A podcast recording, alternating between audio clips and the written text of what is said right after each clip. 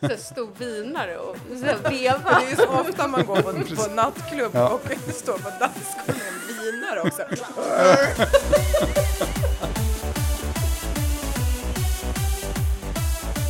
Min fördom om präster var när de står på dansgolvet och vevar. Men vi- vinar. Men alltså, om du hade sagt någonting annat, en drink eller en öl eller något, men just en vinare, det är liksom... Nej, men det, Okej, man går fram till barn och bara “tjena, vad ska du ha?” Så bara “nej, på med rövpang tack”. så bara ut på dansgolvet.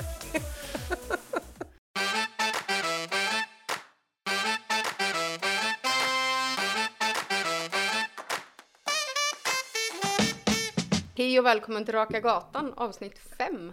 Det var ett tag sedan. Vi har varit jullediga och ni har haft corona och Mm. hur är det med er? Precis. Jo, men det är bra. Både varit julledig och haft corona. Ja, precis. Eller jag är inte så jättemycket ledig. Jag var ledig lite julveckan och sen så jobbade jag lite, men sen fick jag corona. Ja. Så det känns ändå som att det var länge sedan jag var här. Mm. Ja, du har ju inte varit här på en månad Johan. Nej, precis. Det var juldagen. Jag hade jullotterna sist. Och sen hade jag två veckors semester i och för sig efter det. Och sen har jag haft corona, men jag har ändå kunnat jobba hemifrån. Men har inte varit här på jobbet på en månad då idag. Nej. Ja, nej, så det har varit länge man har varit iväg. Eller varit iväg. Ja, men har var ju ganska Länge inte varit- dålig. Länge sedan man har Ja, varit precis. på jobbet. Vart, Ja. ja, jag har varit jättedålig faktiskt. Ja, Alltså inte ligga inne dålig, men, eh, men väldigt sjuk. Alltså. Mm. Och är fortfarande så här hostig och lite, alltså ross, liksom jag känner att det sitter så här i halsen, jag får liksom harkla Mm. mig. Lite så här eh, täppt liksom. Så, så att eh, det kommer säkert ta sin tid eh, innan man är helt återställd till 100 procent. Det är ju liksom lite läbbigt för man tänker att, eh, eller jag har ju gått hela tiden och bara så här, jag klarar mig utan, eller utan att bli sjuk i corona i två år, jag kommer inte bli sjuk. Så jag har ju typ nästan drygat mig lite. Ja, det biter men det inte var på hämnden. mig. Då blev du dålig Ja, liksom, på riktigt. Men jag tänker att tänk hur dålig man hade varit eh, om man inte var vaccinerad. Mm. Ja, säkert. Antagligen, ja. Om jag blir så här sjuk med liksom dubbelvaccinerad, bara, hur hade det varit? Utan vaccin. Mm, Så att, eh, jag känner mig väldigt tacksam över, över vaccinationsmöjligheten. Mm. Verkligen. Ja, men verkligen. Ja, och ni vinterbadade ju för en timme sedan för julkampanjen, Svenska kyrkans julinsamling. Jajamän.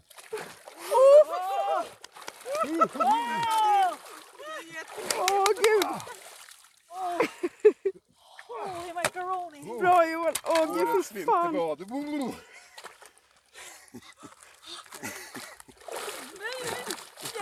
Ja, då. Åh, fy fy. Woho! Uppfriskande.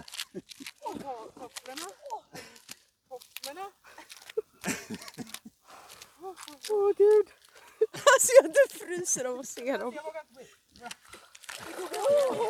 Bra Jenny, ska jag hjälpa till? Jättebra! Skitbra!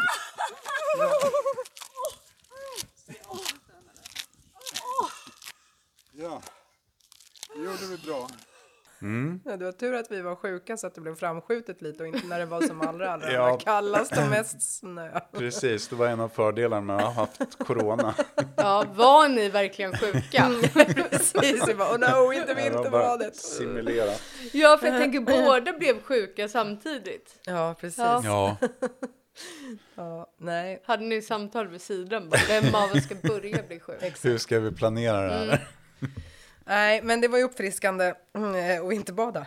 Var det Mm. värt det? det var Värt för, det? Ja, Alltså- det var ju för 15 000. Ja, ja, ja, men alltså, ja, det är ju inte, alltså, sånt stort offer är det inte att vi inte badar. Nej. Eller? Man, Vad tycker nej, nej, det är det inte. Man vaknar till ordentligt. Uppfriskande. Alltså, jag hade inte vinterbadat för 15 Det är Men inte alltså så tänk nu Karin, det är ju inte 15 000 till oss. Nej, alltså om någon nej. hade satt 15 000 i din hand, då hade du kanske resonerat på ett annat sätt. Men så är det ju inte, utan vi vinterbadar ju inte för 15 000 kronor för oss, utan vi gör ju det för någon annans skull. Och då, Ja, då är, ja. Akts julkampanj. Ja, jo, då, ja. Då, för jag då- tänker också, vad är man beredd att göra för någon annan? Mm. Alltså jag såg ju typ, eh, jag har sett en, när jag låg hemma och var sjuk nu, så ehm, har jag ju, då tittar man mycket på tv. Jag tittar ju aldrig på tv annars. Eh, säger man ens så? Titta på tv? Man tittar ju på, man streamar ju saker. Men ja, ja. ja, men, ja. Man, kan, ju- man kan ju kolla direkt också. ja det kan ja, man. du men tittade, inte... du streamade. Jag streamade. Nej, men jag såg en dokumentär då på eh, Disney Plus om, som hette The Rescue som handlade om det här fotbollslaget pojkar i Thailand som eh, fastnade i en grotta. Och den här grottan blev ju vätske, alltså det kom ju in vatten där och så. här. Och så skulle de ju rädda de här pojkarna och det är så här en helt, om man inte har sett den dokumentären så kan jag verkligen varmt rekommendera den för den är helt otrolig hur de liksom tar ut de här pojkarna. Eh, och det är ju så här långt, långt, långt in i det här grottsystemet som de är och de får dit några, en lång story kort liksom, de får dit några sådana här grottdykare från olika länder, England bland annat och Australien och sådär. Och Schweiz tror jag. Eh, och eh, de här pojkarna är ju jättelångt in i den här grottan. Så att de får ju då dyka och simma. Eh, och då inser ju de här grottdykarna att eh, de kommer inte få ut pojkarna. Eh, alltså, de kommer få panik. Och de ska försöka liksom frakta dem under vatten i flera kilometer. Alltså, det kommer inte ett barn fixa, för de här Nej. pojkarna är ju små. Ehm, och då kommer de fram till att de måste söva pojkarna. Och det är ju jätteriskabelt att de ska göra det. Alltså söva dem och för, sen transportera dem under vatten Mm. i flera kilometer i det här grottsystemet. Alltså det är så hemskt. Mm, eh, och eh, då är det en man där som både är grottdykare och också läkare. Eh, och han eh, får ju uppgiften att han ska då ge de här barnen, eh, alltså han ska ge dem narkos. Och eh, innan de ska göra det här så säger de till den här militären där i Thailand, säger så här, bara så att du vet liksom, om det är så att det här inte går bra, då kommer du hållas ansvarig för det. Och de thailändska liksom, lagstiftningen är inte så snäll, liksom, utan du får ju räkna med att går det här åt helvete, då, då kommer du ju sitta i fängelse resten av ditt liv i gud. Thailand. Liksom. Mm. Eh, och han gör det ändå. Mm. Alltså för att ändå... Ja, han har väl inget val för det. Nej, men han hade ju bara kunnat sagt så här, jag tror inte att det här kommer att gå, det här är för riskabelt, jag kan inte utsätta vare sig mig själv eller någon annan för det här, jag säger nej. Och så hade Ja, han men jag kunnat åkt hem. om det fanns en liten chans. Ja, att- och det fanns ju en liten chans. Det var den enda chansen. Men han hade ju också kunnat resonera så här att risken är för stor för mig själv, Mm. men också såklart för dem.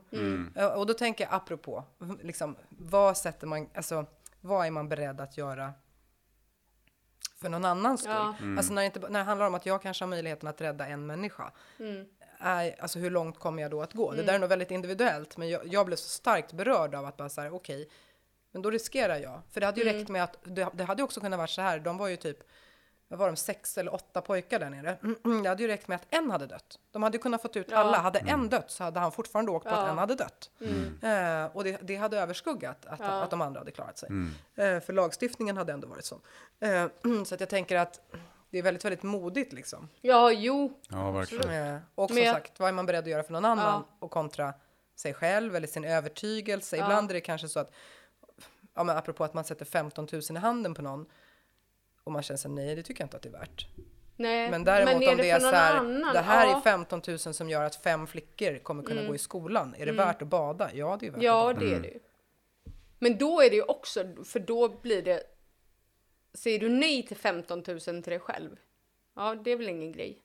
Men att säga nej till att låta flickor gå i skolan, för det blir ju också så här, ska du bada Ja. eller, ja men säger du nej så blir Ja. det liksom... Men alltså det är därför jag också tänker att, att tron är så viktig. Alltså, ibland så, ibland hamnar jag så här diskussioner med personer om, alltså för, jag, för mig så är det så här att en jätteviktig del av min kristna tro handlar om att tron också måste få konsekvenser. Jag kan inte bara sitta hemma och liksom eh, ha en relation, en gudsrelation, eh, ägna mig åt bön, gå i gudstjänst och så vidare. Så här, för mig, utan tron måste också på något sätt få omsättas i handling. Man måste göra något för någon annan. Eh, för att annars så blir den ju för mig ihålig. Liksom. Men jag tänker att det också är det som är kristen tros kärna. Att liksom, eh, ordet blir kött som vi brukar säga, som låter så här konstigt. Men, ja, det, men det har att göra med att Gud blir människa och det är också ett tecken på att, att Gud ju agerar i världen. Ja, Och på samma sätt ska vi agera i världen. Och det tänker jag är en av de viktigaste delarna av kristen tro också. Att kristen tro är liksom en, en alltså det handlar om en, en handlande tro, alltså att man gör någonting, man lever som kristen. Det är inte bara så här, hej jag tror på Gud. För en del är så här, men jag tror på mitt eget sätt och bla bla bla bla. Och så kan det ju få vara. Men jag tror att själva poängen med tro är att den ska få omsättas i handling. Att det blir en konsekvens för världen. Eh, så. Eh, och då ibland när, man, när jag pratar om det med andra människor som inte är troende så säger jag så här, men för mig så är det ju också en drivkraft att göra någonting gott för en annan människa. Att jag är kristen är också liksom min grund till att jag gör någonting gott för en annan människa. Och då kan jag ibland föra så här, fast vadå, det kan man väl göra ändå? Alltså det kan man väl göra utan sin tro? Och det är klart att man kan göra det. Alltså det finns ju människor som inte är troende som ändå handlar gott, alltså såklart. Men det finns ju också en risk att man hamnar i ett väldigt liksom självupptaget sätt att tänka eh, om man inte ser världen som liksom ehm, en helhet där alla människor hänger ihop, där man liksom har en gemensam grund som jag tänker är då Gud som har skapat mänskligheten och världen och allting sånt där. Så är det ju väldigt lätt att nej, men då kan man skita i de där fem. För att då kan man tänka så här, då, kan, då skulle du kunna resonera att ja, okej, eh, jag kan eh, strunta i de där fem tjejerna som kan gå i skolan och ta 15 000 själv, för att om jag tar 15 000 själv så kan jag göra de här sakerna som ger de här konsekvenserna för eh, samhället till exempel. Ja, att du skulle kunna använda dem till något annat att vinna ännu fler. Ja, och så kan du tänka. Och det behöver inte vara dåligt, men jag tänker att det som blir mm, grej, alltså grunden på något sätt, det har att göra med att de här fem tjejerna, det är ju mina, alltså i min värld så är ju det mina systrar. Mina, liksom, mina, alltså vi är ju samma, vi, vi, vi, vi har ju liksom samma grund, vi häng, hör ju ihop. Och då tänker jag att, eller för mig i alla fall, så, så blir det att tron på något sätt skapar en annan typ av drivkraft att göra för någon annan än om jag bara utgår ifrån att liksom från mig själv. Alltså mitt eget välbefinnande eller liksom min allra närmsta familjs välbefinnande. För ofta är det ju så att man kanske tänker då på sina barn eller sina föräldrar eller sina syskon eller sådär. Ja, jag vet inte om det flummade till nu, men är ni med på lite vad jag är ute Ja. efter? Nu blir det folkbildning, kyrkordet. Vet du vad liturgi betyder? Liturgi är ett annat ord för bibelstudium. Ritualernas utformande i gudstjänsten. Liturgi låter som eh, litter, litteratur. Eh, Det är någonting med lek. Lek inför Guds ansikte eller något sånt där. Liturgi det är ett grekiskt ord. Från början så betydde det en handling som man gjorde i offentlighetens tjänst. Men sen har det mer och mer med tiden fått betydelsen gudstjänstritual. Det kan till exempel vara att prästen bockar sig vid altaret under gudstjänsten. Det kan vara att församlingen ställer sig upp under en psalmvers och sätter sig ner i en annan. Och egentligen är allt man gör i gudstjänsten, alla handlingar, rörelser, riter så, är liturgi.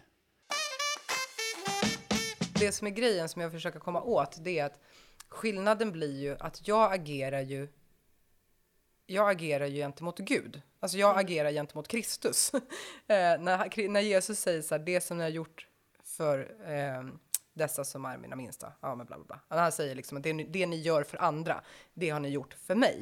Alltså då blir det ju att när jag hjälper de här eh, fem flickorna att gå i skolan, då är det ett sätt att ge tillbaka till den som har gett mig livet. Alltså, det blir inte egocentrerat. Det är det jag liksom någonstans är ute efter, att det finns en, en rörelse i det där. Och det är egentligen det du säger också, att det är lättare när du kliver ur dig själv. Ja, jo, för att det är lättare att liksom säga till andra hur de ska agera rätt för deras. Man ser deras bästa men inte sitt eget Nej. bästa. Men om du säger så, blir inte då ett krav? Alltså, jo, men det jag är tänk- ett krav också. Absolut. Mm. Ja, för då känns det ju fel och liksom om du då inte hjälper dem. Det är det som är synden. Ja, för då blir det inte då ett krav att du känner att du måste.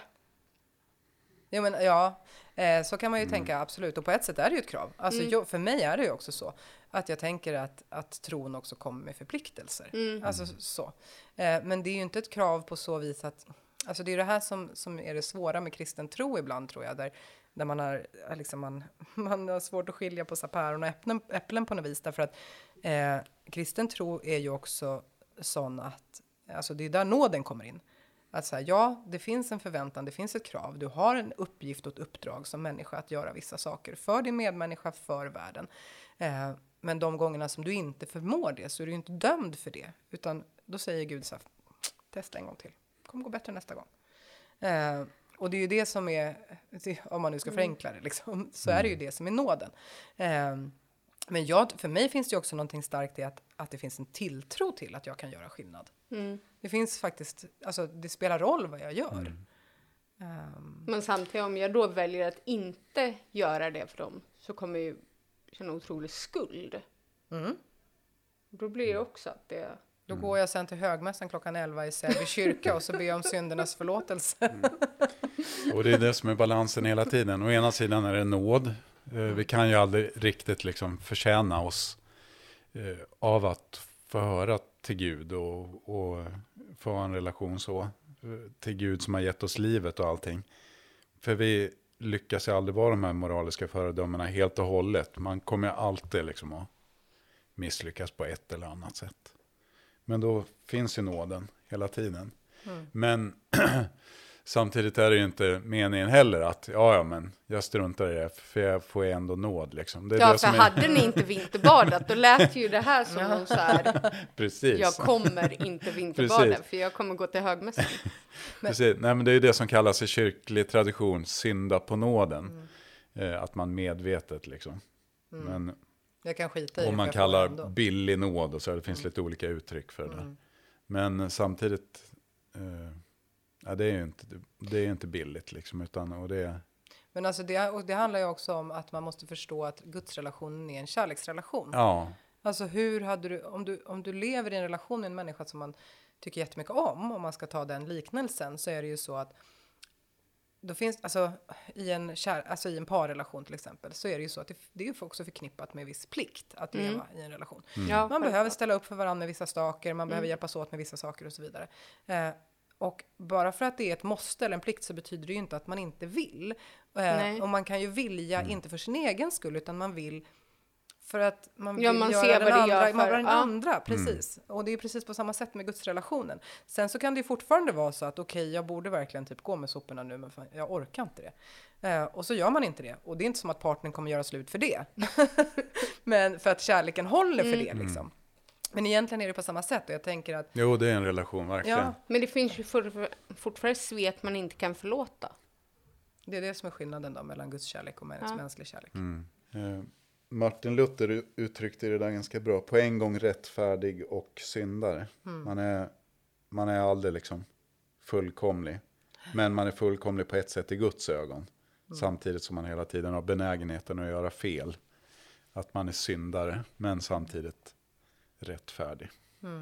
Nej, men det är en slags relation. För annars skulle det också bara bli en massa lagar och regler. Det, är inte det, det är inte det det handlar om. Nej. Det är en relation det handlar om. Och det är ju också en missuppfattning, tänker jag, med kristen tro. Att det, det, det, är liksom, det är som att det snurrar till det lite grann när det gäller det här med syndabegreppet. Eh, att det är en vanlig missuppfattning att kristen tro liksom handlar om att det bara är en massa regler och, Ja, som verkligen. följa. Eh, får man göra si och får man göra så och får man hit och får man dit. Alltså det handlar ju inte om det, utan det Nej. handlar ju om vilket, vilken människa vill jag vara? Mm. Vilket liv vill jag leva? Vad vill jag ge tillbaka? Mm. Ehm, så, så att, ehm, och då kan det ju vara så att vissa saker krockar i mig själv. Att det här kan inte jag göra för att det, liksom, det går emot vilket slags liv jag vill leva eller hur, på vilket sätt jag vill liksom Ja, men vara en finns del. det någonting ni skulle vilja göra men som känner att det går, igen, går emot er kristna tro? Nej, Nej, men... men- det, ja, nej men det är väl det om man skulle tjäna jättemycket pengar och Mm. köpa någon jättevräkig bil och sådär. Då skulle Mm. också kännas lite, ja, känns det okej det här att ha en Ja. här bil som kostar flera miljoner? Som är helt onödig egentligen. Mm. Och ha en kristen tro. Men känner Det- du då det att skulle du borde ha gett pengarna vidare? Du skulle inte ha unnat dig? Ja, precis. Då skulle man ju känna att dels skulle man ju ha hållit inne på den värsta lyxbilen. Mm. Och sen eh, att man borde gett mer av de här vinstpengarna. Om man, om man skulle ha vunnit en massa pengar till exempel. Ge mer pengar till något, till ACT, Svenska kyrkan till exempel. Eller någon annan hjälporganisation. Men vad är gränsen då liksom? Hur lyxigt får du leva och unna dig för att det ska vara okej? Ja, det är väl en balans i och för sig. För att eh, jag tänker ju också, man kan ju vara rik men ändå ha en kristen tro. Man kanske ger, ge- ger bort jättemycket pengar men ändå så unnar man sig lyxiga saker. Jo, men jag Men- tänker om du då skulle vinna gör- så att det är liksom det är en engångssumma du får. Mm. Vad, liksom, hur mycket får du unna dig av de här Oj, pengarna? ja, det, liksom? Säg ja, att du vinner en miljon. Hur mycket borde du ge vidare? Eller ska du ge vidare allting om du ändå har ett bra liv? Liksom, Ja, med den det. ekonomin du har. Vad, Ja, ja precis. Nej, vad krävs för att få känna fråga. sig som en god kristen? Men jag tänker att det Ja, handlar ju inte heller bara om, om pengarna i den frågan, utan då kanske det är så här att okej, nu vann jag så här mycket pengar, så jag behöver typ inte jobba. Eh, nej, okej, vad gör jag då av min tid? Så här, åker jag omkring på lyxsemestrar till eh, Bali hela dagarna? Eller gör jag någonting av min tid som gör någonting gott för en annan människa? Något vettigt liksom. Så kan det också vara. Eller så väljer man Mm. att fortsätta. Jag vet ju faktiskt eh, om, om en, eh, i ett fall där det var en, en präst som hade väldigt mycket pengar och eh, där man skänkte hela sin lön. Alltså jobbade som präst men skänkte bort sin lön. Eh, då, så att man liksom tjänade ju på något sätt gratis. Liksom. Men eftersom formen ser ut som för oss att vi behöver vara anställda så, så jobbade han och sen så skänkte han. Ja, men då, då har du ju fortfarande, även om du tar vara på vinsten Mm. så har du ändå gett vidare. Men jag tänker hur mycket är... Men då tänker jag den personen hade ju lika gärna kunnat struntat i att jobba. Ja, För jo. behövde ju inte pengarna, men ville fortfarande verka som präst. Ja, Och så kanske man själv hade gjort också. Jag hade kanske känt så här att mitt sätt att tjäna, mitt sätt att ge tillbaka, det är att vara präst. Eh, det är att, att möta människor och samtala med dem om livet och döden och döpa barn och alla de här sakerna. Eh, men jag behöver egentligen inte lönen, så att den kan jag liksom. Ja. Men att då hade jag gjort någonting med min tid. För jag tänker att det handlar inte bara om pengar, utan det handlar också om, alltså vi har ju andra tillgångar. Nej men exakt, det skulle kännas ganska tomt tror jag. Och Mm. inte om man tjänar massa pengar som man egentligen inte behöver jobba längre. Mm. Det skulle, och bara göra saker för sin egen skull, det skulle kännas konstigt ändå. Mm. Nej, men då kan vi göra båda delarna. Men jag tänker om du, om du då fortsätter jobba som präst Mm. och gör gott, men du använder fortfarande de här pengarna du har vunnit till att köpa typ väskor och skor. Nej men, alltså, jag tänker lite som Johan sa innan också, att det är ju inte så att, att bara för att man är kristen så måste man leva liksom ett extremt asketiskt liv eller någonting sånt där och att man aldrig kan få, få unna sig någon lyx eller någonting sånt. Alltså jag tänker inte att det är det som är poängen, utan poängen är ju när, och det är ju en inre kompass man måste ha, men när börjar jag liksom leva och det gör vi och för sig hela tiden, så det är också, också svårt att säga, men på bekostnad av andra. ja, men jag tänker Alltså- leva över sina tillgångar, men fortfarande. Ja, eller jag Inte. tänker så här, har man mycket pengar så är det ju kanske inte att leva över sina tillgångar, utan då är det kanske bara att man har, har liksom... Ja, men leva över ett ditt behov. Ja, då, men liksom, precis. Ja, precis. precis. Nej. Eh, och det är klart att där kan man också hela tiden flytta gränserna då. Man kanske tänker att man verkligen behöver de här eh, skorna och väskorna och så vidare. Men, mm. men jag tänker att poängen är ju inte den här summan eller den här måttet av lyx eller liksom sådär. Utan poängen är fortfarande vad, vä- alltså, vad väljer jag att ge tillbaka? Och det kan handla om pengar, det kan handla om att jo men jag skänker faktiskt 100 000 i månaden. Eh, men det kan också handla om, nej fast jag har de här pengarna men jag jobbar också på natthärbärge som volontär fyra eh, helger i månaden. Eller vad det nu Ja, kan vara. ja, precis, vad det nu alltså, så att, så att det, Men det som är grejen är att jättemycket handlar ju om och det är där jag menar att gudsrelationen kommer in. Alltså om jag bara ska utgå ifrån mig själv, då har jag svårt att spegla mig i någon. Jag behöver liksom fundera över om jag nu skulle möta Kristus, om Kristus kommer och ställer sig framför mig imorgon och säger så här, hör du, hur tycker du nu att det blev? Nu ska vi ha utvecklingssamtal du och jag. så måste jag kunna säga så här, fast jag tycker att jag har gjort det ganska bra. Alltså det handlar ju om att stå ut med sig själv. Vilken människa vill jag vara? Eh, Och apropå som du frågade så här, jag vet inte hur du ställde frågan nu, men vad ni skulle vilja göra som ni inte kan för att ni är kristna eller något sånt där. Nej, du vet inte, du ställde Nej, frågan på något sätt. Nej, men, Men, mm. ja. Nej, om ni skulle vilja göra någonting så går det emot. Ja, och att jag skulle, går snarare, jag skulle snarare säga att det finns, eh, att det är tvärtom. Alltså att det finns saker som jag måste göra för att jag är kristen. För att stå ut med mig själv. Mm. Alltså, jag kan inte... ehm, jag kan inte... Jag behöver möta någons blick. Vissa, alltså, jag kan inte bara gå förbi. Eller jag kan, alltså, det finns sånt som, liksom, som krockar i mig. Mm. Som jag måste göra mer. Men finns det då tillfällen då du har känt bara, men jag orkar inte, Absolut. men jag måste? Absolut. Ja. Absolut. Och det finns tillfällen när jag inte har orkat heller. Mm. Eh, och där kanske skillnaden är då att för mig så blir det kanske mycket större. Mm. Ett större nederlag än för någon annan. Precis. Ibland tänker jag så här att Jesus själv drog ju sig undan ibland. Så vi måste faktiskt också få göra det, Mm, det är en som väldigt bra präster. tanke. Mm. Han drog ju sig undan, kan man läsa flera gånger i evangelierna. Tog lärjungarna och, och drog sig undan folkmassorna. För jag kan tänka mig att, att eh, folk drog i honom precis hela tiden och ryckte i honom och ville ha hjälp hela tiden. Men till och med Jesus var tvungen att dra sig undan ibland för sig Mm. själv. Ja. Ja, det är verkligen Så sant. att eh, det måste man för att kunna hålla. Mm. Absolut.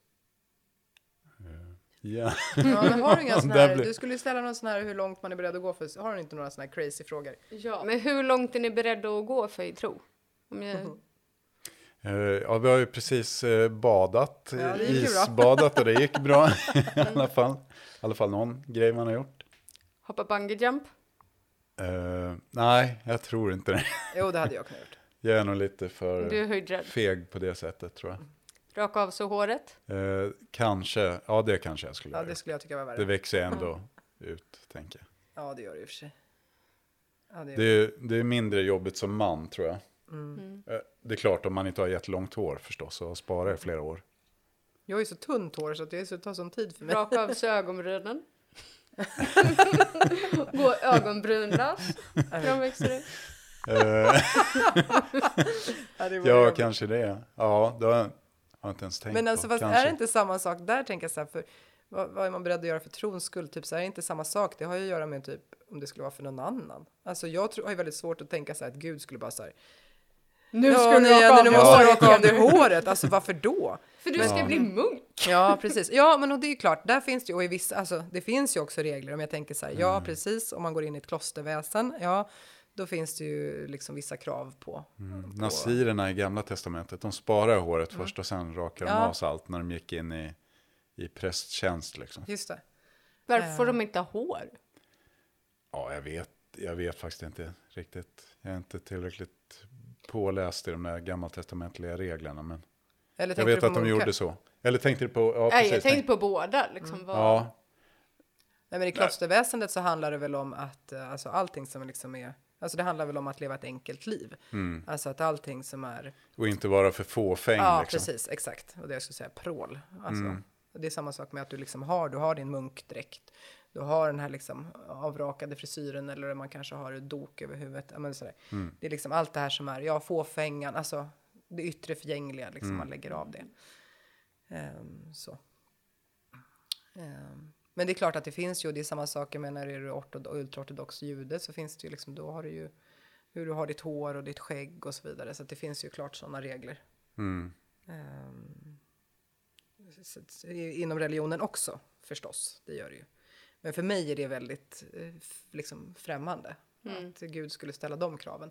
Men däremot om någon skulle säga, ja men som sagt, eh, återigen för att rädda de här fem, låta de här fem flickorna gå i skolan. så Ja, jag men om de gå skulle längre. säga så då, om man skulle göra liksom, om du gör det här så kommer vi skänka så här och så här mycket till akt.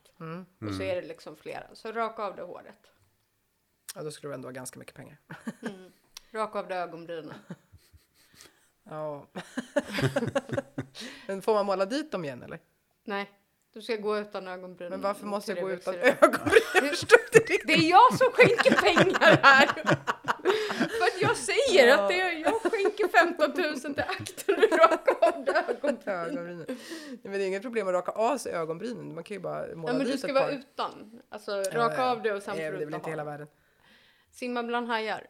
Nej, det hade ju varit läbbigt. Ja, det hade jag nog inte heller gjort. Gå ner i ett eh, rum fullt av spindlar. Jag vet inte vad ni är rädda He för. hellre det än hajar tror jag. Okej. Ja. Jag är, nog inte, jag är inte så spindelrädd. Nej, jag tror också hellre det faktiskt än hajar. okej. Tror jag. Ormar då? Ormar är jag Nej. nog... Nej, det hade jag nog tyckt varit obehagligt. Alltså. Jag, jag tycker nog hellre ormar i och för sig än spindlar. Spindlar är lite jobbigare. Jag tycker småkryp och insekter är och för mer obehagliga än, är men... än ormar. Men å andra sidan vet man att Mm. det livsfarliga ormar som man Ja. kan få ett bett av. Då vet man ju att man kan, då kan man ju dö. Ja, och det är det jag tänker. Jag tänker Ja. lite rationellt här. Att Ja det men är här så är mycket okej, det är farliga spindlar. giftigt utan Nej. det är bara obehagligt. Jaha, om de, är, om de inte alls är giftiga, nej men då tycker jag inte det är jobbigt med ormar. Då skulle jag kunna gå bland Okej, jätteormar. det är inget obehag. Nej, liksom. nej, det är det okej. där att man vet att om de är giftiga eller att sådana här, är det mambor som kramar Mm. ihjäl sina offer. Nästa insamling så kommer Johan få gå upp. Har de inte på så här, finns det så här terrarier? som Eh, man jo, kan jag har varit på, besöka? Jag har varit på terrarium i eh, Borås länge sedan och där höll jag i en jätteorm. Så. Mm. Mm, Det har jag också gjort. Min syrra hade också en orm och sånt där. Okej, men något annat. Hoppa bungee jump sa vi. Eh, Eh, Det gör jag inte. Det vet jag. Det, Jobba, för det fanns ju något program förut med, med Adam Alsing gjort någon, typ de värsta jobben. Han Ja, var uppe och det. flög och skulle göra någonting. Det var ju då när de gjorde det där Adam Alsing-programmet de skulle spela in präst ju. Jaha. Ja, för att nu är det ju Jaha. så här också Karin att nu ställer Det du massa... det värsta jobbet. Ja, nu ställer du massa frågor vad vi skulle kunna göra. Vi gör ju redan, alltså vi gör ju redan det värsta. Nej, men det kom ju typ en rapport för några år sedan att det är Sveriges farligaste jobb är att vara präst.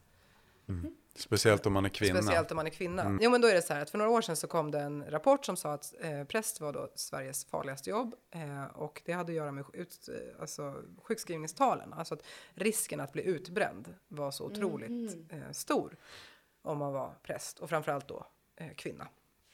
Eh, och då när Adam Alsing gjorde det här programmet, typ världens eller Sveriges farligaste jobb eller Sveriges Ja. bästa, värsta jobb, då skulle han ju också spela in när han var präst. Så han var ju hos en vän till mig och spelade in det här programmet, men sen tog de inte med det av någon anledning. Nähä.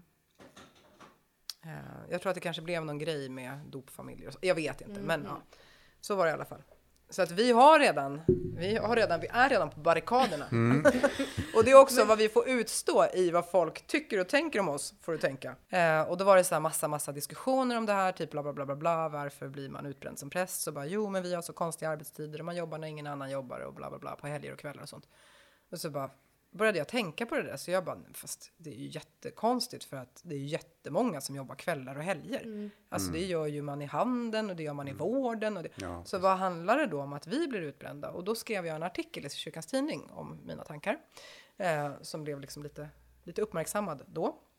När den kom. Och jag tror ju att det handlar jättemycket om att det inte finns en korrelation mellan våran upplevelse av vårat eh, kall och det som vi idag möter när vi möter församlingsbor eller människor i, i samhället i stort. Därför att jag tänker ju att min uppgift är att tjäna Kristus.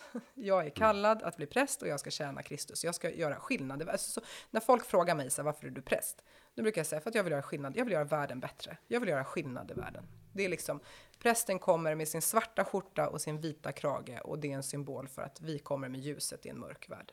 Det är liksom, det är våran uppgift. Men väldigt många som möter oss har en helt annan bild av vad prästen är. Antingen så är prästen en servicefunktion som ska göra någonting åt den här familjen. Alltså vi ska döpa eller begrava eller viga eller så, men det är ju deras grej. På deras det, villkor, På ja. deras villkor. Att de har köpt en tjänst, Ja, tänker precis. de ungefär. Ja, och vi ska in och liksom serva. Och det blir jättekonstigt. Jag kommer dit och tänker välkommen till min kyrka. Det här hände mig bara senast jag hade begravning. Mm. Så säger jag, jag tänker välkommen till min kyrka. Här får jag bjuda in, här får jag liksom så här. Mm. Eller det är ju våran kyrka såklart gemensamt, alla församlingsbor och så vidare. Men det är liksom, jag tänker ändå att, ja. det är Ja, de, sätt. det är ändå... Jag håller i gudstjänsten. Liksom. Mm. Och jag kommer in i kyrkan och begravningsentreprenören säger välkommen till mig. Mm. Eh, och det vet jag att det har ju du också berättat om Johan, att så är det ju ibland. Att Sorgehusen säger välkommen Ja, och sorgehusen Ja. säger det. Och, och där blir det så här, okej, men vänta, nu krockar min bild krockar med deras bild. Och då skapar det någonting i mig som blir ganska Mm. svårt att förhålla mig till. Eh, samma sak så är det så att vi tänker att det jag gör, det är liksom bland det viktigaste som finns för den här världen, typ. Eh, nu förenklar jag ju det här väldigt mycket. Och andra som vi möter många gånger, inte sällan, tycker att vi är liksom prästjävlar typ, som håller på att förstör samhället. Och vi tror att vi jobbar, vi tycker att vi jobbar liksom för att göra världen bättre. Och det där gör också någonting med oss, alltså det är så nära Ja, sammankopplat. det blir inte en krock att både vara församlingsborna till lags utan Mm. att göra våld på dig själv, utan även vara din tro till lags och göra det Ja. som... Precis. Ja, men så skulle man ju kunna säga på något. Och sen finns också den här gamla bilden som fortfarande lever kvar, speciellt hos lite äldre personer tror jag, att eh, som kanske i viss mån stämde för 70-80 år sedan och längre tillbaka att prästen var en del av maktsamhället. Ja, precis. Eh, längre tillbaka var det ju så, men å andra sidan så var ju kyrkan och staten sammanlänkade då. Det fanns inga sociala funktioner i samhället, det fanns knappt några poliser. Så det var ju, polis, eller, det var ju prästen som skulle hålla, eh, hålla den funktionen ute i samhället. Så det är klart att prästen blev ju en maktfaktor ute i samhället. Och det har vi ju även hört lite. Jag tänker att prästen alltid ska vara tillgänglig på något sätt. Liksom att ni kan inte ha helg och ni ska inte vara lediga och så. Kyrkan ska alltid vara öppen. Mm. Och det är alltid- ytterligare en funktion också. Ja, och där blir det ju också en fråga om, där blir det ytterligare liksom en dimension i det här att, att vara människa, att vara präst. Alltså att vi, äh, när någon, alltså jag tycker det har varit tydligt under coronapandemin nu också, så här, man träffar människor och alla vet att man ska hålla avstånd, alla vet att man inte ska ta i hand, alla vet att man absolut inte ska kramas, det gör man bara inte under den här perioden. Men till präst, prästen är det helt okej att ta i hand, prästen är helt okej att krama om, prästen är helt okej att kliva nära. För jag tror inte ens att man tänker att vi är en person, alltså vi är en funktion väldigt mycket. alltså det... det- finns någonting i kragen på något sätt som gör att vi också blir, ehm, oj, att vi blir en, ehm, Alltså som, en, som, som inte en riktig människa på något sätt. Och för att bara knyta ihop det, eh, eller liksom mina tankar med det här, när, den här rapporten om att, Sverige, att det är Sveriges farligaste jobb, så handlade det om, om de här sakerna. Att de här krockarna liksom med förväntan, min egen tro, min egen upplevelse, att inte att bli sedd som, en, som ett objekt och inte en person. Alla de grejerna, det är det som gör att det blir så slitsamt ibland att vara verksam som präst. Ehm, så, och det tror jag är mer utmattande än att man jobbar kvällar och helger. Ja, men jag tänker att ni också att ni blir som en auktoritet och att de kanske inte riktigt vet hur de ska bete sig. Du, blir, ja, Mm, du jo, det blir är inte också- en person nej. utan du är en auktoritet och de du, ja, du är inte en vanlig människa. Eller liksom, Nej, precis. På, för Exakt. att de vet Exakt. inte hur en präst är för att Nej. fördomarna är emot. Precis. Att liksom, Precis. Och där är det nog också som du säger Johan, att där finns det liksom en massa olika eh, bilder som, som liksom läggs samman. Eh, där en bild är den här liksom ganska förlegade bilden av prästen som en del av samhället och överheten och så vidare som inte en- riktigt är aktuell. En slags auktoritet i, i samhället. Så, ja. Och det är ju också så att man har ju ganska lite bilder liksom. Eh, om man inte är i kyrkan så har man ju ganska lite. Och då finns det antingen finns det så här, och det är också det där som blir svårt för vad ska vi leva upp till? För å ena sidan så är det så att då är det den här auktoriteten och det är en del av liksom överhet och samhällsstruktur och, och sådär. Å andra sidan så ska vi vara omvårdande och liksom stå för själavård och liksom att, att vara snälla eller vad man ska säga så här, du Ta sig tid att lyssna Ja. på människor. Jag vet en gång när jag fick en utskällning av en person när vi hade parkerat min bil. Eh, och jag hade ställt min bil på ett ställe och den stod lite dumt till men det var inte olagligt liksom, men det var lite dumt. Eh, och den här personen var jätteupprörd över hur jag ställt bilen och jag sa, och jag stod på mig så jag sa så här, fast den är inte felparkerad. Jag förstår att det blivit trångt för dig men den är inte felparkerad. Och den här personen blir helt galen och bara, åh du som är präst, för jag hade skjortan på mig, jag var på väg till jobbet. Som att liksom parkeringsregler ingår i prästutbildningen. Alltså så, det, så är det ju inte.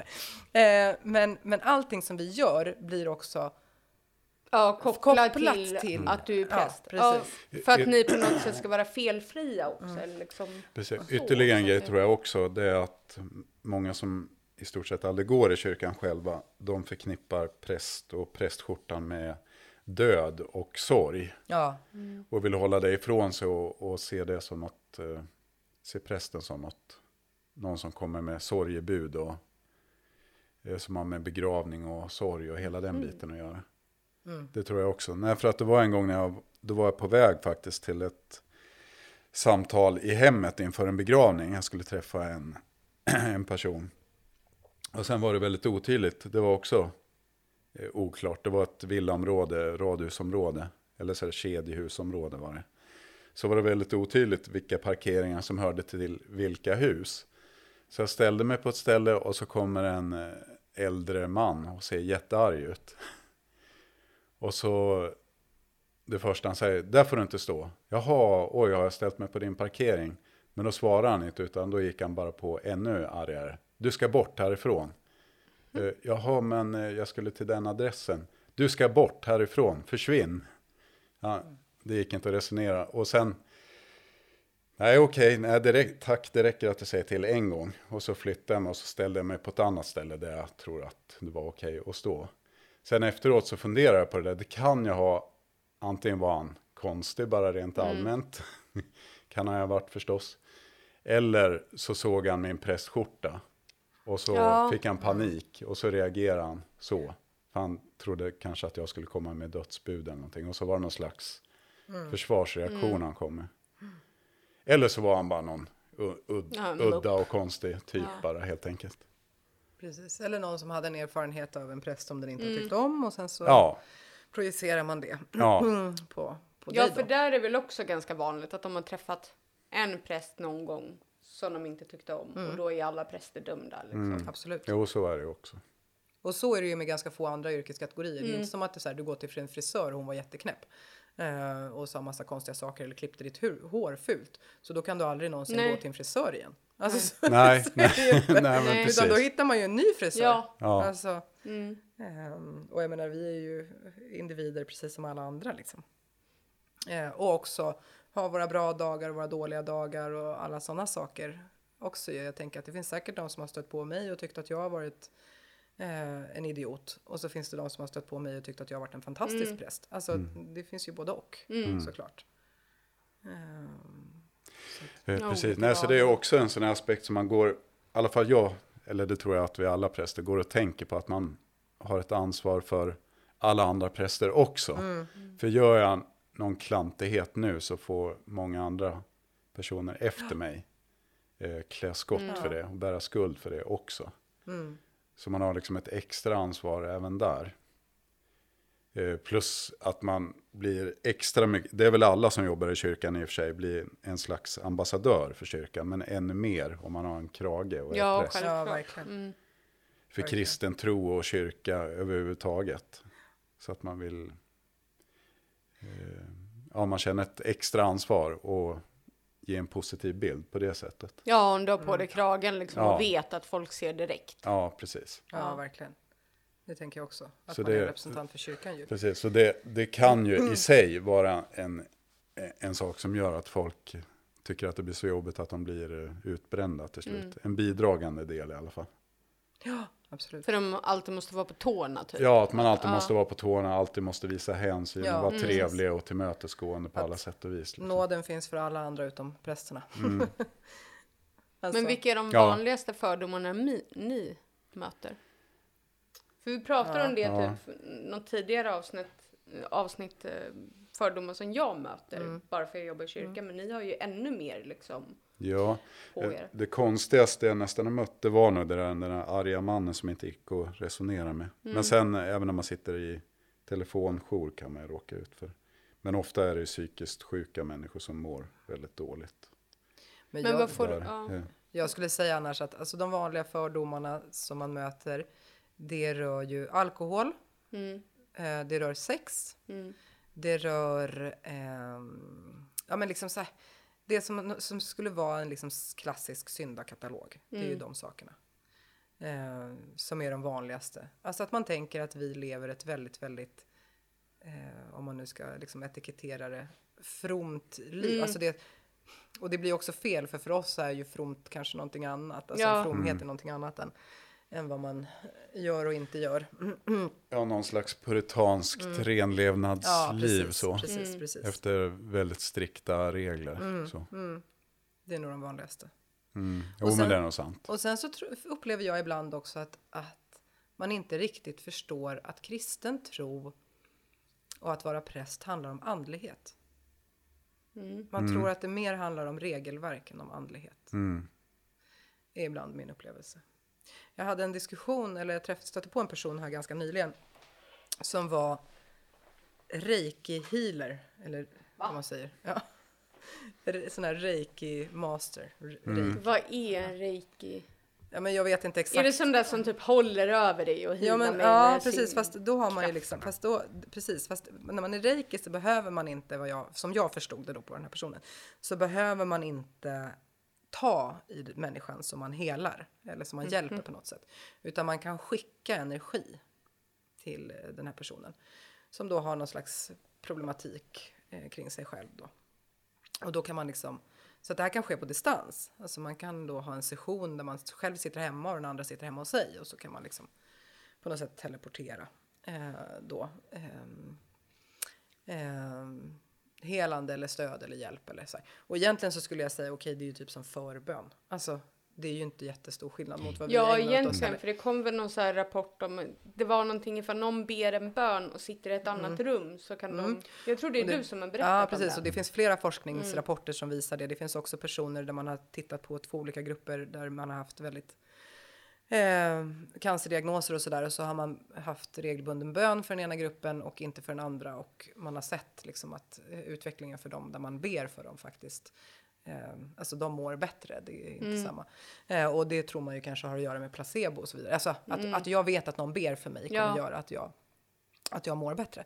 Och då kan det Eh, väl vara samma med och det kan vara samma sak. liksom ja, precis, det kan det vara. Eh, sen ska man inte underskatta att det också finns liksom ett samband mellan oss människor och hur vi liksom agerar och man ska inte underskatta liksom den andliga dimensionen och så vidare. Men det jag tyckte var det intressanta i det här samtalet, det var att jag ställde ganska mycket frågor om hur den här personen uppfattades. Alltså tycker folk att det här är hokus pokus? Är det någon som är skeptisk mot dig? Ehm, har man liksom, alltså vad möter du för fördomar? Och det var typ noll. Och hur kan det vara så? För mig så blev det en fråga. Hur kan det vara så att jag får utstå så otroligt mycket för Jag har alltså suttit på en middag en gång eh, där jag berättar, ja vad gör du, bla bla, och jag säger att jag är präst och personen som sitter bredvid mig eh, reser sig upp och går därifrån. Oj! Mm. Och vill lämna för den vill inte sitta bredvid en prästjävel. Och eh, sen eh, blev det inte, det blev ändå så här, nej men stanna kvar. Men då personen nämnde, alltså, sa inte ett ord till mig på hela kvällen. Inte ett ord. Och då har den ändå suttit och pratat med dig innan Ja, och liksom ja, haft det var bara trevligt för att- innan. Ja, Ja, det ända var fram bara tills du Att- berättar ja, det. det Okej. var bara därför. Det var bara därför. Ehm, För då tänker man ju istället att det vore tvärtom, att du då har utmanat den syn på präster. Nej, att bara, ja. okej, men präster är inte så hemska som nej, precis. Och den här, hade, den här personen hade ju en negativ erfarenhet av präster såklart. Det kom ju därifrån. Men, mm, men, och det kan också vara precis som du säger Johan, att det triggar en massa andra saker, alltså, som har med sorg och så vidare att göra. Så kan det ju vara. Eh, men jag tänker att det intressanta är att för mig är ju det här med reiki mycket mer hokus pokus och liksom lite flummigt och lite sådär och lite märkligt. Eh, och jag tänker också att det kanske finns pengar inblandat ibland. Alltså jag betalar för en session eller om jag går till ett medium som inte heller folk verkar tycka är något konstigt att göra. Eh, så betalar jag för det och där finns det liksom ändå någon slags vinning i det. Eh, och det är klart att vi har ju också, eh, vi får ju också löner och så vidare i kyrkan och så, men, men det är ju liksom mer på ett kollektivt plan på något sätt. Ehm, och som inte riktigt handlar om att vi ska liksom sälja. Ehm, men hur kan det vara så då att, jag, att vi får möta mer fördomar än en person som håller på med, med reiki till exempel, eller med, som är ett medium eller, alltså, jag tycker att det där är lite intressant. Mm, jo, Vad är det det. som är så skrämmande med kristen tro då jämfört med de här andra traditionerna? Det är inte att det är någon okunskap, de har större okunskap om reiki, att det då väcker någon, vi vet inte, nyfikenhet medan det är fortfarande konstigt. Nej, jag vet inte. Jag Mm. Att det, är så, hitta att det är så någon- mycket Jag okunskap hitta att någon man, förklaring, men att det blir ens- ju... ja, så mycket okunskap att man inte ens har någon slags fördom. Ja, Tänker du eller? Ja, men att det, är en så, att det är en okunskap som på något sätt föder en nyfikenhet, att de då inte blir så Mm. anti. Ja, eller så är det att det är frikopplat från organisation. Alltså Ja. vi är kopplade till kyrkan. Och man har så mycket idéer om kyrkan. Mm. Så att Mm. man förknippar, alltså, Kyrkan och, och Ja. kristendomen överhuvudtaget. ja precis, men att det där blir frikopplat på något sätt. Eh, Ja, men allt som är spirituellt Ja, är liksom precis. lite häftigt. Det, ja, precis. ja. Det är fritt på något sätt. För, Mm. att, för att det är ju också som att vi är lite så här, är man kristen så är man lite ledd i en folla typ. Mm. Eh, då kan man inte tänka själv.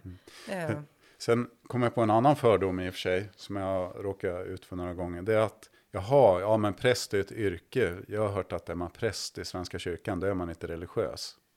ja, det har jag också hört några gånger. Ja, ja precis. Det Eh, men då, då har jag sagt det att, ja, skulle man inte ha en kristen tro i botten skulle det nog vara väldigt svårt att jobba som präst. Mm. Det skulle vara väldigt hycklande och, och man skulle inte få det heller idag.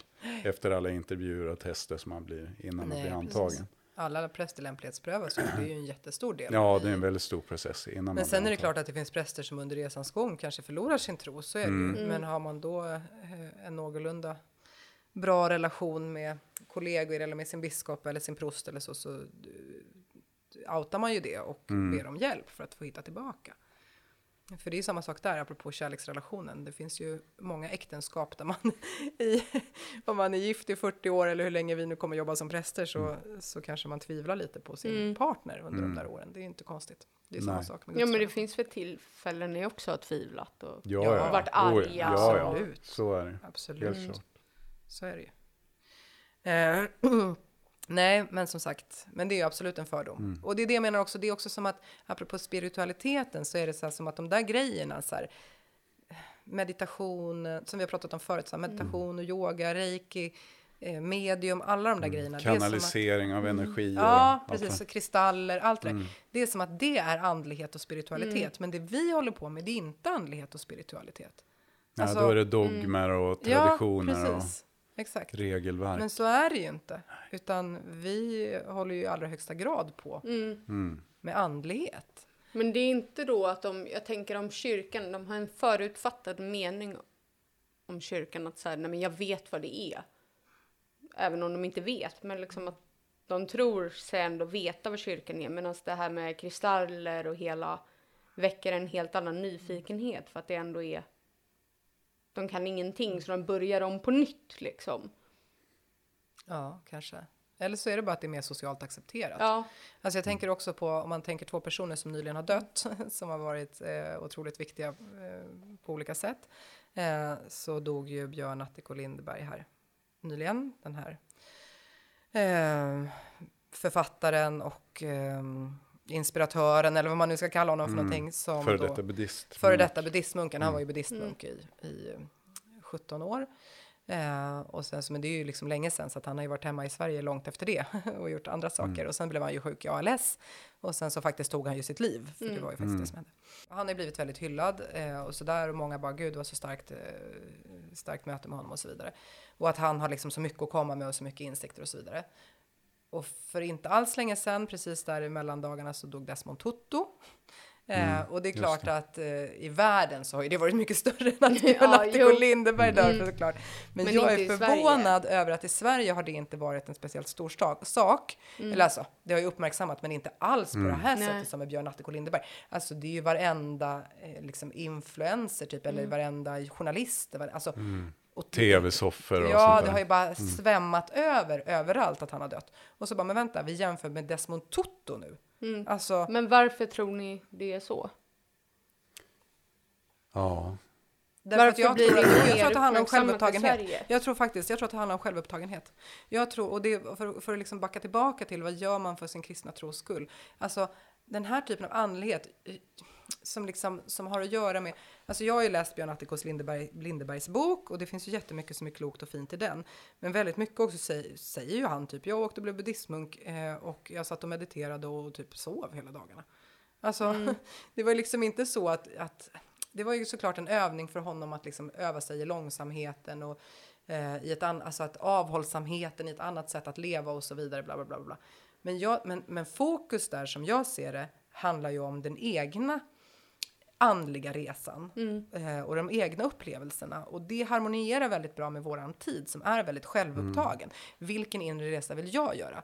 Desmond Tutu har ju agerat för andra människor. Och kristen tro handlar om att agera för andra människor. Det handlar inte om att jag ska sitta och hela tiden vara så himla andlig mig själv och med- meditera och bara "Ah", eh, och be och så. Sen Utan har vi ju spiritualitetsövningar Ja, i kristen tro också, i absolut. kristna Och jag menar tradition. inte på något sätt att Som ibland glöms bort också. Ja, absolut. Och jag menar inte på något sätt att vi Mm. inte har den andliga dimensionen eller att bönen inte är viktig eller så. Men inkarnationstanken, alltså att, som jag sa tidigare, att ordet blir kött, att Mm.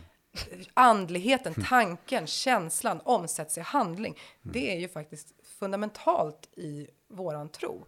Och jag tror att där finns det, det, det är en större utmaning med kristen tro än med den här spiritualiteten och nyandligheten. Jag går till ett medium, någon berättar för mig hur det är med mig och mitt liv och det här kommer hända dig och det här kommer hända dig. Ska du gå till en präst så ska du säga så här, okej, nu förenklar jag jättemycket. Jag förenklar jätte- jättemycket.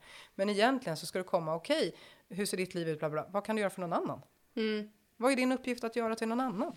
Ja, men det är inte då det då. Folks längtan över att hitta sig själva liksom. Att det är därför, Så kan det absolut ja. vara. Men det vi vet när det gäller lyckoforskning, det är ju att vara, för det är det här. Som Ja, till och med står, ja. Mm. som till och med står i predikaren i Bibeln, där vi pratar text som är 3000 år gammal, så står det att man kommer fram till att det som är, det är att göra gott för någon annan. Mm. Till och med då visste man det och vi vet att det är så nu också.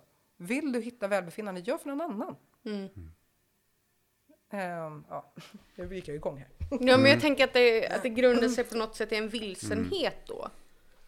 Att folk känner sig så vilsna att det är därför det är någon längtan över att hitta.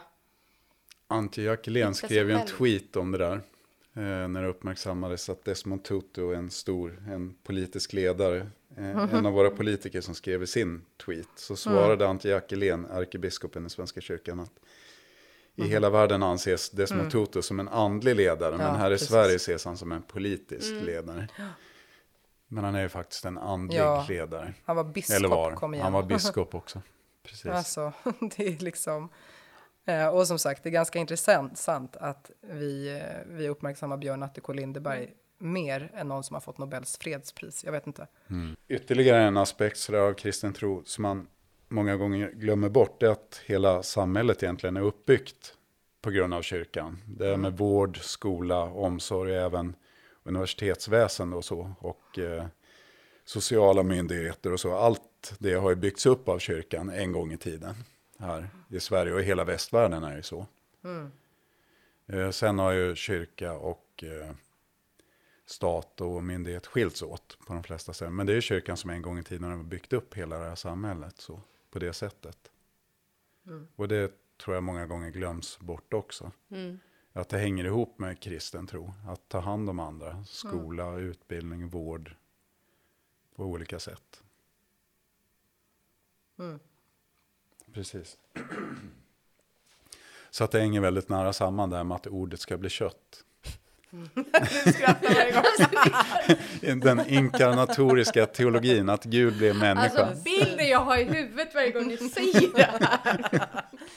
Vi ska Ja. Ordet blev kött och tog sin... Ja, jag ska. Ja, tog Det är sin därför. boning jag- bland oss. Mm.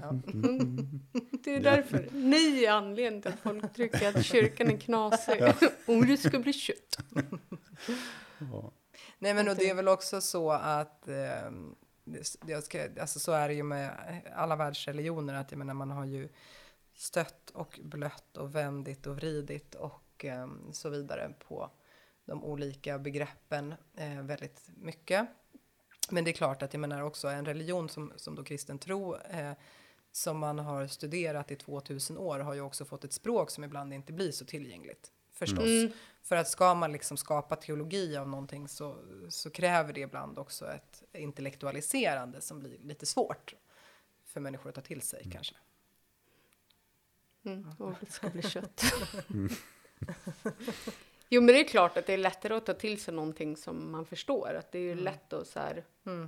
Om det är någonting som får en att känna sig korkad. Det är klart att jag inte vill grotta ner mig i det. Nej, precis. Men det är väl därför jag tänker predikningar och så också blir viktiga. För när ni predikar så förenklar ni och gör att man förstår.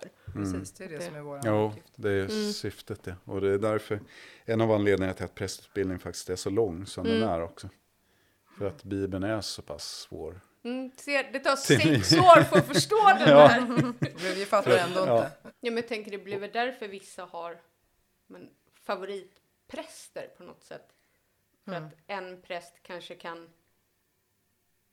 förklara och sätta det i perspektiv som passar mig. Ja, som passar just den Ja, personen. som liksom, Absolut, men jag så tar är till det. mig det här för att den talar. Det är nästan som den pratar till mig och Ja, om mitt liv. Precis, ja men så är det ju. Eller liksom att det blir. Precis, så blir det ju såklart. Att man får sina favoritpräster. Ja, precis. För För man att- talar samma För språk. att den Ja, för att pratar man, på det ja, sättet så att jag kan förstå. Den till, ja, att den förklarar texten liksom. Absolut. Får det svåra språket till något som, som jag kan förstå. Köttet. Nej, ordet- Köttet blev ord. Nej. Eller hur var det nu? Ordet blir kött. Ja. Ja. Det är svårt för dig som är vegan också, ja, jag vet det, Karin, att använda den här bilden. Ja. In, inkarnationen, det är nästan ännu krångligare ord. Inkarnatorisk Ordet blir- Ordet teologi. blir tofu. Eh, nej, men ordet ska också bli handling, omsättas i handling. Tron ska omsättas i hand, praktisk handling. Få konsekvenser i vardagen också. Men buddhismen som vi känner igen den i, i eh, Sverige och i västerländska länder överhuvudtaget tror jag idag. Det är en typ av buddhism som ibland, speciellt inom religionshistoriska kretsar, kallas protestantisk buddhism. För att den är väldigt anpassad efter västerländska förhållanden. Det är inte alls någon klassisk buddhism. Hur då? Eh, Man har tonat ner eh, de här övernaturliga elementen jättemycket. Och sen det här med meditation och så som är en stor del av buddhismen som vi känner igen den här. Den finns ju knappt alls för eh, gemene man. Utan där är det mer att man offrar vid särskilda platser och sådär. Och eh, meditation och så, det är något som munkar och den andliga eliten håller på med. Inte Ja, för jag tänker många ser väl van- buddhismen som en väldigt fredlig religion. Liksom. Det, Eh, Ja, det också. Men samtidigt så är det ju många, och det, det är det väl på sätt och vis på många sätt också, att den förespråkar frid. Samtidigt som många buddhistiska länder ligger bakom krig och buddhistiska bekännare som ligger bakom förföljelser av muslimer och så i flera länder vet jag också. Men det är samma sak med alla religioner, så man, det, där får man ju vara försiktig med att dissa någon annan religion. nej, Eh, men jag vet alla. att. Precis. Nej, men jag vet de som har forskat kring det. David Turfjell tror jag är en religionsvetare som har forskat lite grann kring det där. Och att eh, det är många buddhistiskt, buddhistiska länder som, som inte alls är speciellt fredliga. Fast de har buddhismen som sin statsreligion. Men de är, bedriver ändå krig liksom. Nej men och så tänker jag, det är ju det som också man kanske kristen tro liksom får mycket kritik för. Att man har blandat samman politik och religion. Alltså så är det ju. Därför att, och ibland säger man också så här, med kyrkan är för politisk eller hit och dit och bla bla bla. Men det är ju också så att det blir ju så att när tron får de här konsekvenserna så kan det också uppfattas politiskt. Eh, och ju- på ett sätt så är ju också tron politisk. Så att, men det är Precis. lätt att det där mixas samman. Ja, precis. Och sen eh, när man hamnar i maktposition, oavsett om man har en kristen tro eller vilken tro som helst, eller ingen tro alls, så blir man lätt korrumperad och eh, utövar sin makt mot andra människor. Och så var det ju, det har ju förekommit i alla länder, buddhistiska länder, kristna länder. Och att man har bedrivit krig liksom i, i religion, religionens namn ofta också. Fast oftast är det ju politiska och maktintressen som ligger bakom, egentligen. Sen har man ju använt religionen som, som en ursäkt för att kriga. Som 30-åriga kriget här i Norden och Europa till exempel. Där var ju Sverige allierat med Frankrike, men Frankrike var ju ett katolskt land. Så där ser man ju hur mycket religionen egentligen spelar roll. Det var ju mera makt och politik egentligen. Snarare än protestantism och katolicism. Som dessutom är två olika riktningar av kristen tro. Eh, Samma sak med Nordirland och katoliker och protestanter där. Det är ju mera de som ville vara allierade med Storbritannien eller de som ville vara självständiga. Det var ju det det handlade om i grund och botten. Och olika maktfraktioner som bråkade. Sen kallar man det att det var katoliker och protestanter som slogs. Men om man ska också säga någonting mer om det här med, om jag backar lite bandet, om liksom fördomar man har, eller som vi får möta och sådär. Jag tänker också att det är nog lite också som du säger Johan, när det gäller till exempel buddhism, att man har liksom en, en eh, liksom förenklad bild här och som är liksom präglad av vårt samhälle och, vår, och faktiskt den protestantiska eh, tron jättemycket. Därför att ta till exempel synen på sexualitet och det är en fördom vi får möta att kyrkan är så otroligt fördömande mot sexualitet och bla, vilket inte är min bild alls. Nej. Alltså när jag pluggade, nu är det för sig ganska länge sedan, men jag läste inte en enda kurs på universitetet som inte hade ett feministiskt perspektiv. Nej. Det var jätteviktigt. Eh, Svenska kyrkan var faktiskt före staten med att eh, ha samkönade vigslar. Alltså, vad heter det? så att liksom det finns, det finns en massa... Och eh, det var präster inom Svenska kyrkan som var med och eh, drev att eh, homosexualitet skulle avkriminaliseras på 1950-talet. precis. Det var kyrkan som var med och drev på den processen också. eh, företrädare från, för kyrkan i alla fall. Exakt. Och så finns det den här bilden av att liksom kyrkan är så negativ mot sexualitet och så vidare. Och så tittar man på buddhism till exempel, alltså ska du titta på den riktiga formen av buddhism, då finns det faktiskt en ganska negativ syn på sexualitet där också. Eller inte på sexualitet i sig, men är du en upplyst person, är du en andlig person, så ska du också eh, göra upp med alla dina begär. Och det sexuella begäret är ett begär, så att du ska ju i princip gå tillbaka till ett, alltså är du en andlyst, eh, andligt upplyst person, eh, så ska du ju ehm, faktiskt avstå sexualitet helt och hållet. För att begären är ju inte någonting, det är ju någonting du är slav under. Så att eh, det är liksom, vi förenklar väldigt, väldigt mycket eh, idag när vi plockar ur något slags liksom, religiöst eh, Jag får tillgängliggöra. Det som man i alla fall kan tänka är så här, folk kritiserar kristen tro. Alltså typ att det verkar så tråkigt och stift och sånt. Men vad är roligare? Och typ ha på sig en oran- ett orange skynke, raka av sig håret och sitta och meditera typ i en skog. Eh, och inte få äta och inte få dricka alkohol och inte få ha sex och inte få göra någonting som man inte får när man är en buddhistmunk. Eller att vara en helt vanlig luthersk präst som får ta sig en sup och som får ha en kvinna eller en man som man kan och liksom leva ett helt vanligt random liv. Vad skulle du välja? Skål. Skål! Skål på det.